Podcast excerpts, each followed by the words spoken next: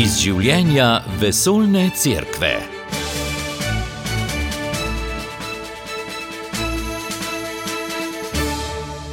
Lepo pozdravljeni v tokratni oddaji, v kateri boste slišali, kje bi rad bil pokopan papež Frančišek, o čem govori tokratna njegova poslanica za svetovni dan miru in kaj so škofje iz Evrope na nedavnem zasedanju izpostavili kot glavni izziv cerkve na stari celini. Z vami smo Marjana Debevec, Matjaš Merljak in Marta Jeribič. Vabljeni k poslušanju.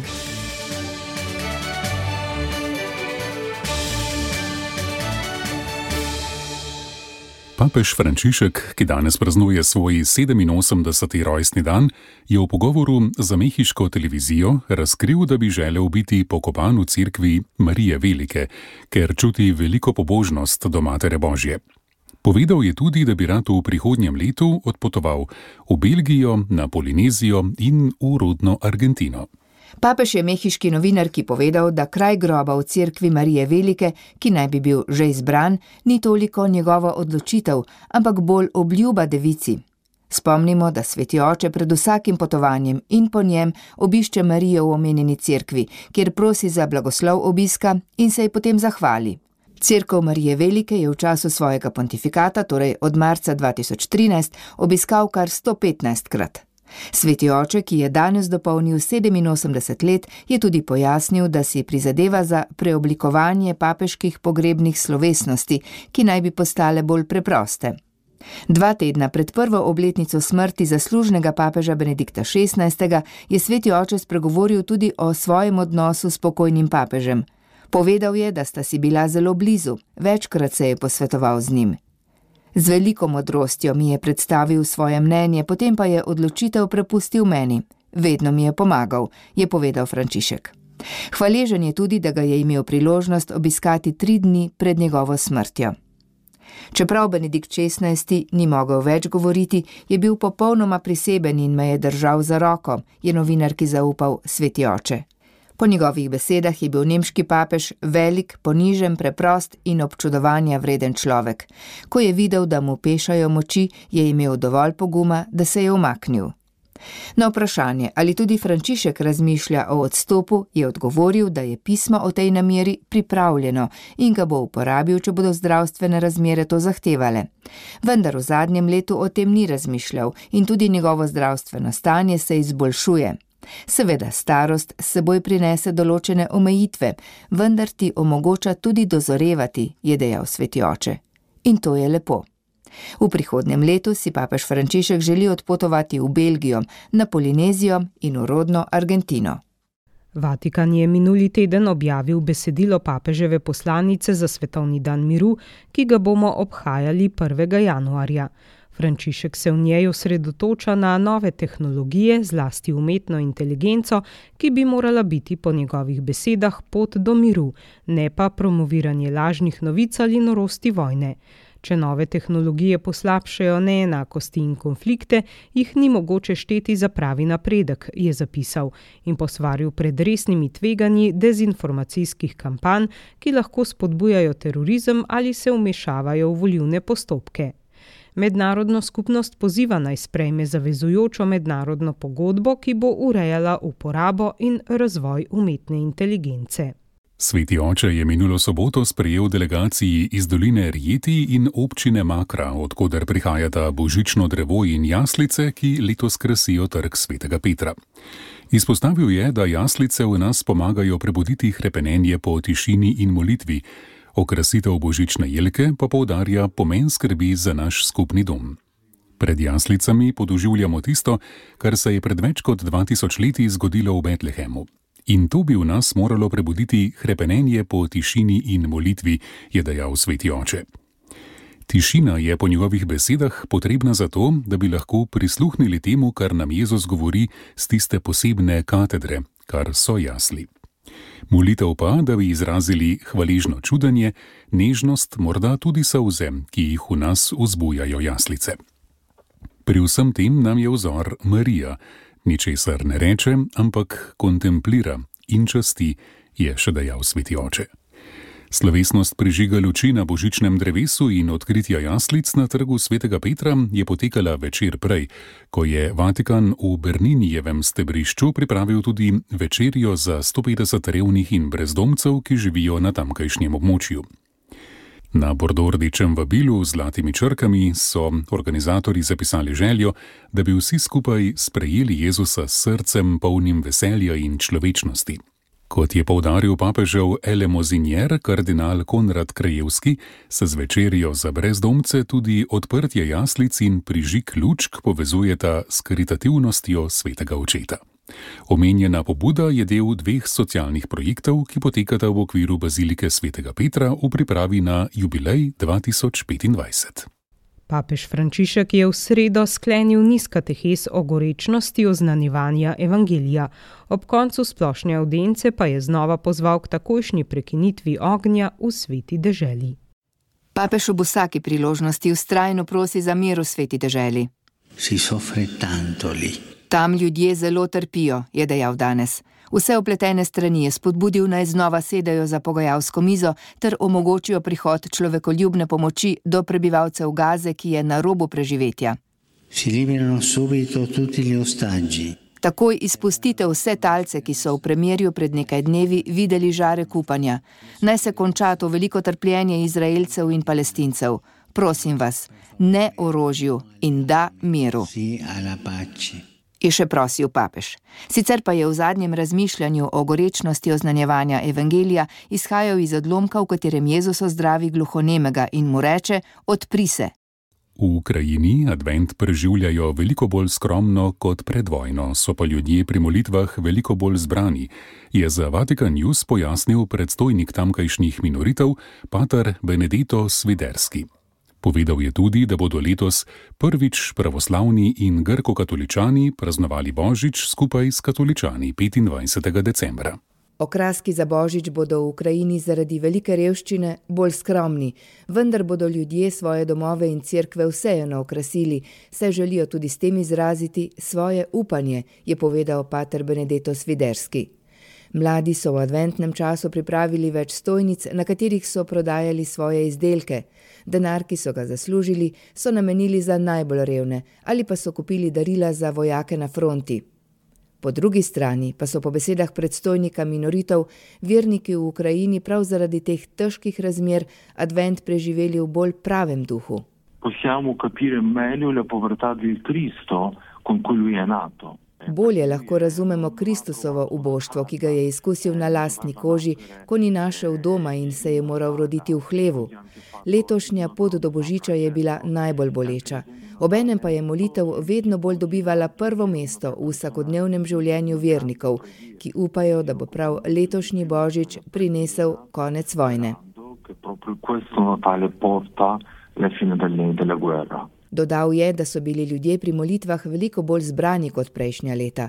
Po maši je vedno sledila še molitev za mir. Pred vojno sta večinsko pravoslavna in grko-katoliška crkva Božič praznovali 7. januarja, z vojno pa se je spremenilo tudi to. Celebreremo il Natale 25 dicembre tutte le chiese. Letos bomo Božič praznovali vse cerkve 25. decembra.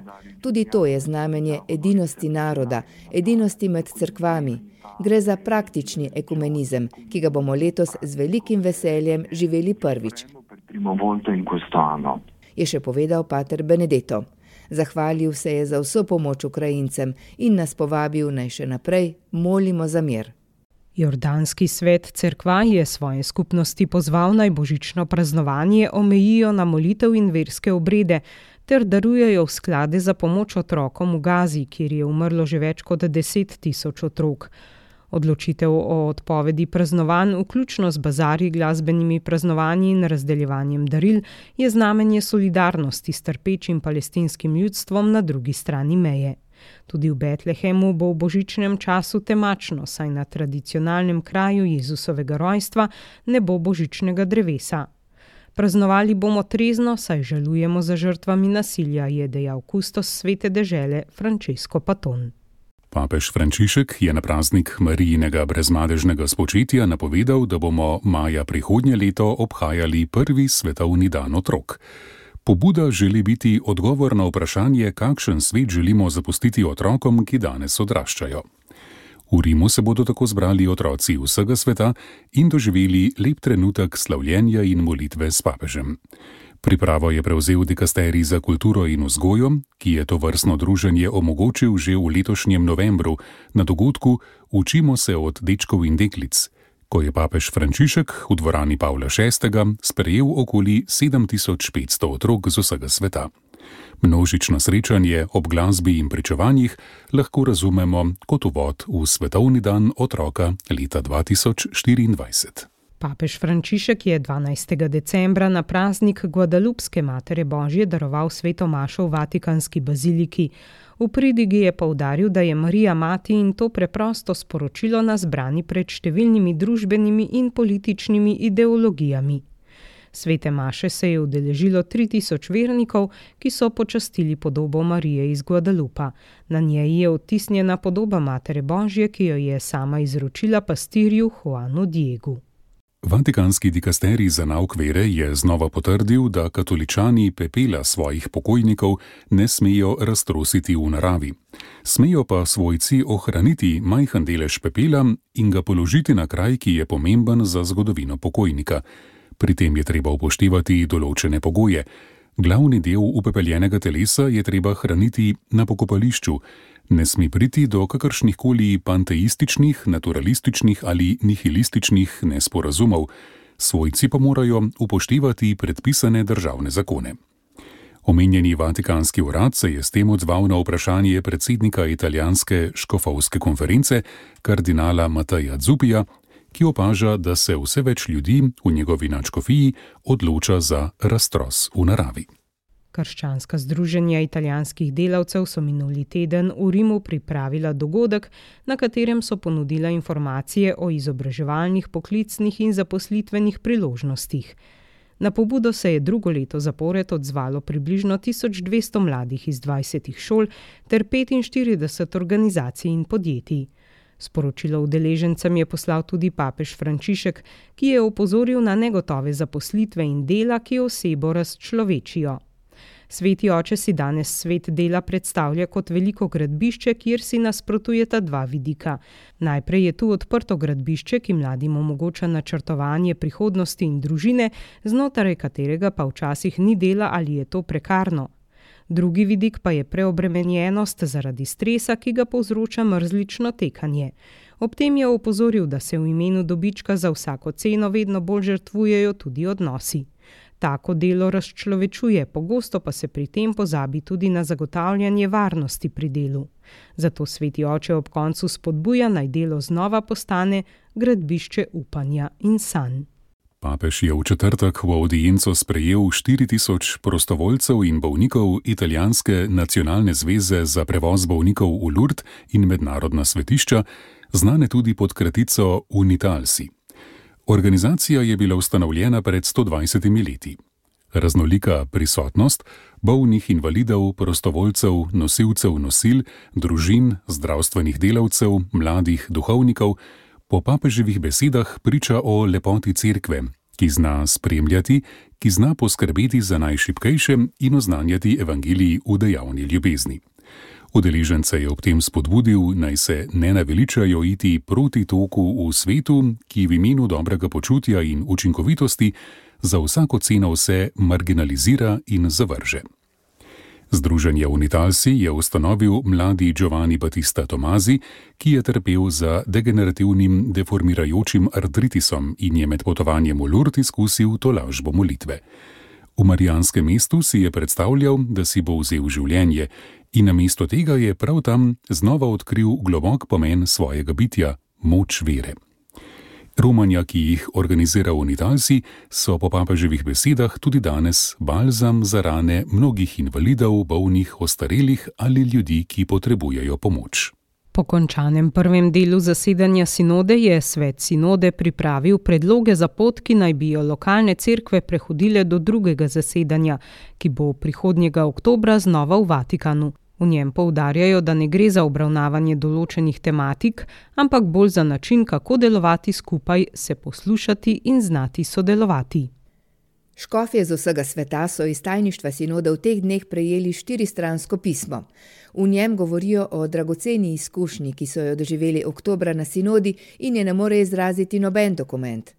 Kot je dejal papež, ne gre namreč za pogovor o tej ali oni tematiki, ampak bolj za način, kako se pogovarjati. Nekaj vprašanj, ki so se pojavile na sinodi, bodo sedaj obravnavali na ravni celotne cerkve in sicer v pristojnih vatikanskih uradih.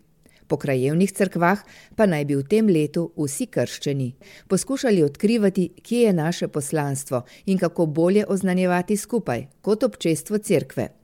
Papež je v dokumentu Veselje Evangelija zaželel, da bi cerkveni jezik, običaji in vsa struktura postala primeren kanal oznanjevanja, ne pa način za samo ohranitev, Konkretno to pomeni, da naj bi v tem letu iskali načine, kako razdeliti odgovornost na vse člane cerkve ali konkretno župnije in kaj bi nam pomagalo, da to izpeljemo.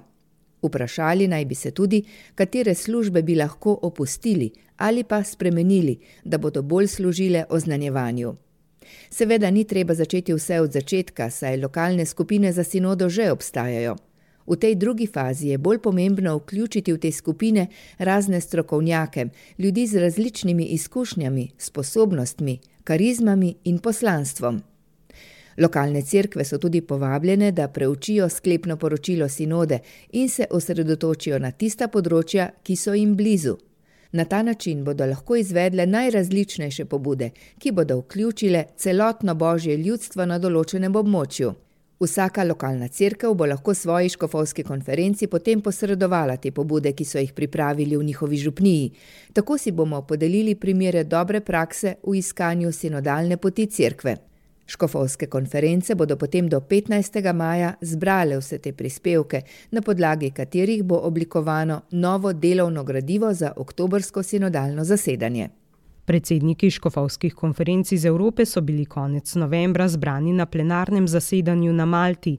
Slovenijo je zastopal škof Andrej Saje, ki je v srečanju za naš radio pripravil naslednje poročilo. Udeleženci so prišli iz 35 držav, med nami je bil tudi apostolski nunci za Malto, potem predsednik Sveta Evropskih škofovskih konferenc, stalni opazovalec Svetega sedeža pri Svetu Evrope potem predsednik KOMEC, to je Komisija škofovskih konferenc Evropske unije, kardinal Holrich, ki je glavni poročevalec za sinodo in še nekateri drugi gostje. Namen letnega srečanja predsednikov škofovskih konferenc je predvsem povezovanje delnih crkva po Evropi z namenom ugotavljanja dejanskega stanja in kako evangelizirati naše dežele v prihodnje. Evangelizacija je stalni način oziroma stalna naloga cerkve. Smo v času sinode za crkvo oziroma v procesu sinodalnosti, kjer ne gre za nekaj novega, pač pa za poglabljanje naših vizij, kako v tem svetu, ki je spremenjen, ki je globaliziran, oznaniti evangelij ljudem, da bi ga razumeli in sprejeli za svojega. Različne države oziroma različne cerkve v različnih delih Evrope se nahajajo v različnih okoliščinah. Med nami so bili tudi naprimer predstavniki iz Rusije, iz Belorusije, med nami je bil tudi škof Martin Kmetec iz Turčije. Kar se tiče evangelizacije, je zelo pomembno, da poglobimo našo vero, predvsem pa da izhajamo iz krstne milosti, ki smo jo prijeli kot verniki, in da poglobimo svoje karizme, tako verni lajki, kakor tudi posvečeni božji služabniki, recimo duhovniki, redovnice, redovniki in škofje. Na našem srečanju smo prisluhnili predvsem poročilo škofa Picabala, latinskega patriarha iz Jeruzalema, ki je govoril o zelo tragični usodi svete dežele, o vojni, o vseh posledicah vojne, ki se dogajajo na področju Izraela in Gaze, ter pozval vse k prizadevanju za mir.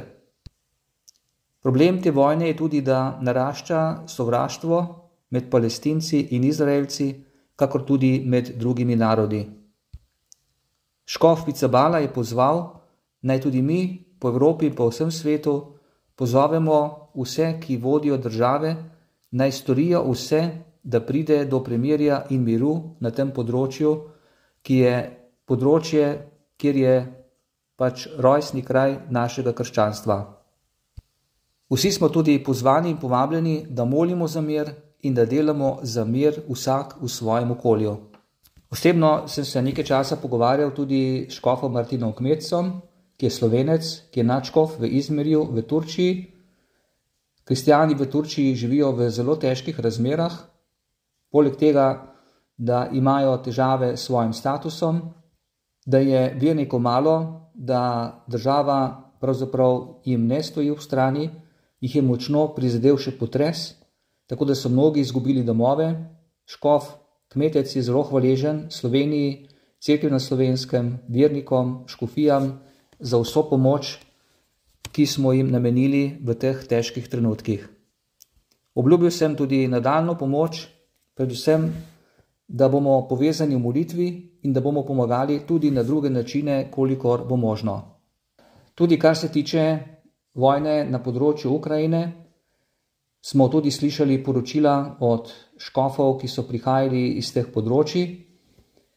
Tudi smo bili povabljeni k prizadevanjem za mir, da naredimo vse tudi na tem področju, eh, da bi prišlo do miru predvsem, da pozivamo vlade, da pozivamo vse, ki imajo v rokah odločanje, da bi storili vse, da pride do miru tudi na tem področju. Kardinal Greh, glavni tajnik sinode, je spregovoril o temi škof kot nosilec evangelizacije in sinodalnega procesa.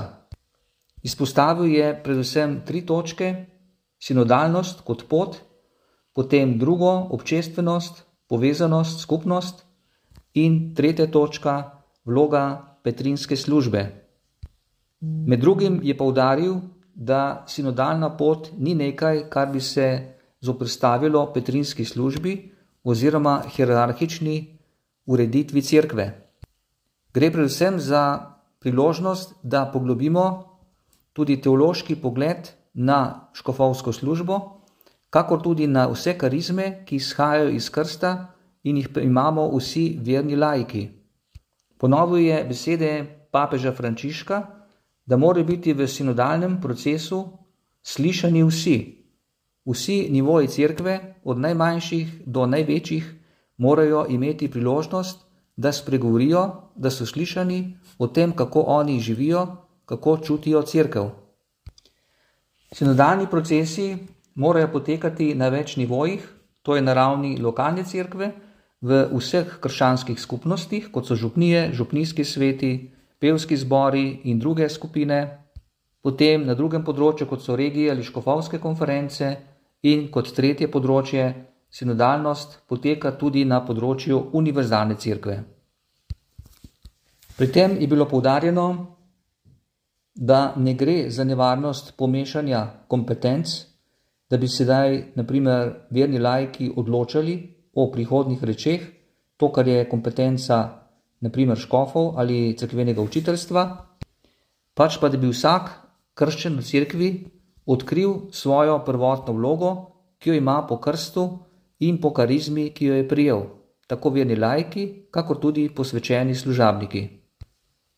Temelj sinodalnosti je zakrament svetega krsta in karizme, ki smo jih pri tem prijeli in skupno duhovništvo. Temo o sinodalnosti je potem poglobil še kardinal Hollerich iz Luksemburga, ki je glavni poročevalec sinode, ki je pa izpostavil tri besede, to so skupnost, občestvo in pa soudeležba. Glavni izziv za crkvo prihodne je, da bi se ta sinodalni proces odvijal naprej v vseh naših malih krščanskih občestvih, da bi bili vsi slišani, da bi bili pripravljeni poslušati drug drugega in da bi v molitvi in priprošnji svetemu duhu odkrivali, kakšna je pot naprej, pot cerkve in pot evangelizacije.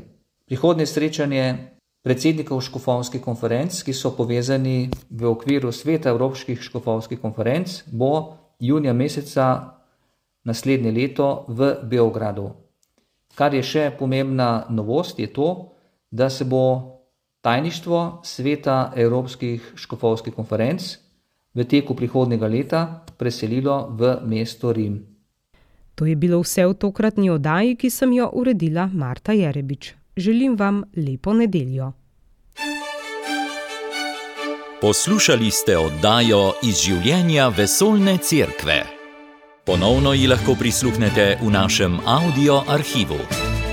radio.ognisce.si